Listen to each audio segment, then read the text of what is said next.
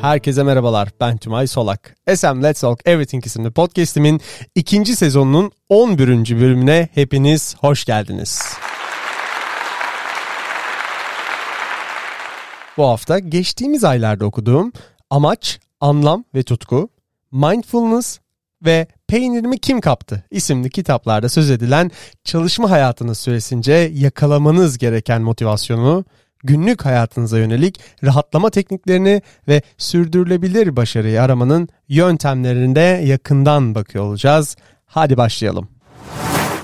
İlk olarak Harvard Business Reviews 10 Must Reads yazarları tarafından kalem alınan Amaç, Anlam ve Tutku isimli kitaba dair notlarımı sizlerle paylaşmak istiyorum. Bu kitap bizlerin üniversite sonrası beyaz, meka, beyaz yaka maceralarındaki başımıza gelen olaylar ile nasıl başa çıkacağımız konusunda güzel tavsiyeler veriyor diyebilirim. Ben dahil herkesin kendine sorduğu bir soru var aslında. Şu soru. İşiniz size bir anlam ifade ediyor mu? Bence oldukça zor bir soru Amerika'da yapılan bir araştırmaya göre beyaz yakalılar haftada genellikle 35 ila 40 saat arasında çalışıyorlarmış. Bir başka deyişle de emekli olana kadar yaklaşık 80 bin saat çalışarak geçirecek bir ömürden söz ediyorum.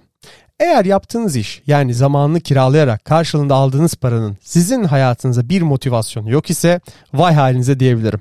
Çünkü bu durum hem bedeninizin hem de ruhunuzun enerjisini alıp götürüyor. Bu noktada da size şunu söyleyemem. Aradığınız anlam aslında şudur diyemem ama genel bazı genel geçer amaçlar konusunda sizi bilgilendirebilirim. Genel geçerden kastım ise dünyada birçok insanın bu konu özelindeki düşünceleri, çalışma hedefleri ve yaşamaya dair motivasyonlarını sağladıkları bir liste var aslında.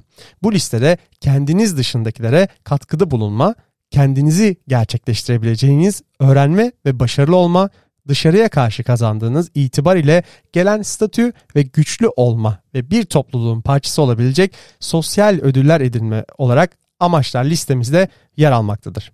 Şimdi size soruyorum. Bunlardan hangisi motivasyonunuzu sağlıyor ya da bu listeye eklemek istediğiniz amacınızın olduğunu düşündüğünüz kavram ya da kavramlar var mıdır? Belki de bu soruyu daha önce kendinize sormadınız ya da bir arayış içerisindeydiniz ama analoji seviyesine henüz gelemediniz. Aslında bunların hepsi çok normal. Sorgulama ne zaman başlar biliyor musunuz? Sorunlarla ne kadar çok sık karşılaşırsanız o zaman gerçeği daha yakından görmeye başlıyorsunuz. Merak etmeyin bu size de olacak. Eğer çalışmaya ya da hayata karşı yaşamaya bir motivasyonunuzun ya da amacınızın olmadığını düşünüyorsanız yanılıyorsunuz demektir. O zaman sizlere içsel amacınızı keşfedileceğiniz ve özellikle de Y kuşağının kendine soracağı bazı soruları sizinle paylaşmak istiyorum. Bu sorular sırasıyla şöyledir. İyi olduğun konuların tespiti. Hangi işlerde daha az çaba sarf ediyorsun? O işi en iyi ben yaparım dediğin işler hangileri? Ya da kariyerinde en çok hangi yönüne dikkat çekiyorsun? Peki şimdi sırada yapmaktan zevk aldığın konularını tespit edelim. Onlar da şu soruyla bakabiliriz. İş haftası içerisinde en çok neyi yapmayı seviyorsun? Takvimde hangi işi görmek seni heyecanlandırıyor? Ve son sorumuz takvimini kendin oluşturuyor olsan nasıl hazırlardın? Bir de verimli olduğun konuları tespit edelim. İlk sorumuz hedeflerin arasında şirket için önemli olan hangisi? Hayatındaki en önemli öncelik nedir? Ve son sorumuz işin ile önceliklerin arasında nasıl bir ilişki var? Evet biliyorum bu sorular çok zor ama kendinize bu soruları sorarak hayatınızın, işinizin motivasyonunu, anlamını aramaya başlayabilirsiniz. Sırada yine Harvard Business Reviews 10 Must Reads yazarları tarafından kalem alınan Mindfulness isimli kitaba dair notlarımı sizlerle paylaşmak istiyorum. Mindfulness bir mikro meditasyon tekniğidir ve nefes egzersizleri ile gerçekleştirilmektedir. Gün içerisinde yapmanız gereken tek şey nefesinize odaklanmak ve derin derin nefes alıp vermektir. Aklınızdaki tüm düşünceleri bir kenara bırakıp yalnızca nefesinize odaklanırsanız bu süreç faydalı olacaktır. İşe yarayacağını nasıl mı anlayacaksınız? Aşırı stresli, duygusal, öfkeli, yorgun hissettiğiniz bir anda sırtınız dik bir şekilde arkanıza yaslanın ve nefesinize odaklanarak derin derin nefes alın. Yalnızca 1-2 dakikanızı alacak olan bu mikro meditasyon yöntemi sizi oldukça rahatlatacak ve enerji kazandığınızı hissedeceksiniz. Denemesi çok kolay. Bence siz de deneyin. Yapılan araştırmalara göre vücudumuzdaki strese bağlı hormonların en çok salgılandığı an sabah uyandığınız zamanmış. Çünkü gözümüzü açtığımız anda zihnimiz gün içerisinde yapacağımız işlere odaklanır. Kaç ya da savaş içgüdümüz harekete geçiyor ve damarlarımız kortizolla doluyormuş. Tek yapmanız gereken buna engel olmak için bu mikro meditasyonu uygulamanız. Derin derin nefes almanız ve yalnızca nefesinize odaklanmanız yeterli. Sonrasında güne başlayın ve gün içerisinde değişmekte tanıklık edin. En önemlisi de odaklanma ve farkındalık için bu mikro meditasyon günümüzde birçok firma tarafından eğitimler verilmekte ve uygulanmakta olup sizler de çalışma arkadaşlarınızla paylaşabilirsiniz. Bizlerin her şeyden öte sahip olması gereken 3 özellik olduğunu düşünüyorum. Bunlar empati, teşekkür ve cömertlik. Bunlar olduğu zaman da değişimi sizler de çok net yakından göreceksiniz. Evet son olarak ise yazar Dr. Spencer Johnson tarafından kaleme alınan Peynirimi Kim Kaptı isimli kitaba dair notlarımı sizlerle paylaşmak istiyorum. Kitapta anlatılan hikaye Koklarca ve Koşarca adında iki fare ve fare boyutlarında olan Mırın ve Kırın isimli insanların bir labirent içerisinde peynir olan istasyonu aramalarından ibarettir.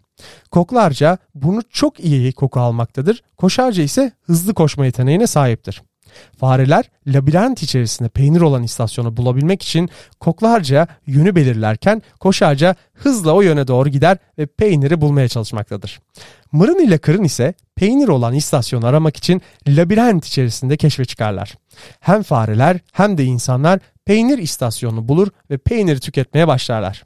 Peynir tükenmeye başladığında fareler yeni bir istasyon bulmak için arayışa geçseler de insanlar peynir hiç bitmeyecekmiş gibi keyiflerine bakar ve mutluluğun tadını çıkarırlar.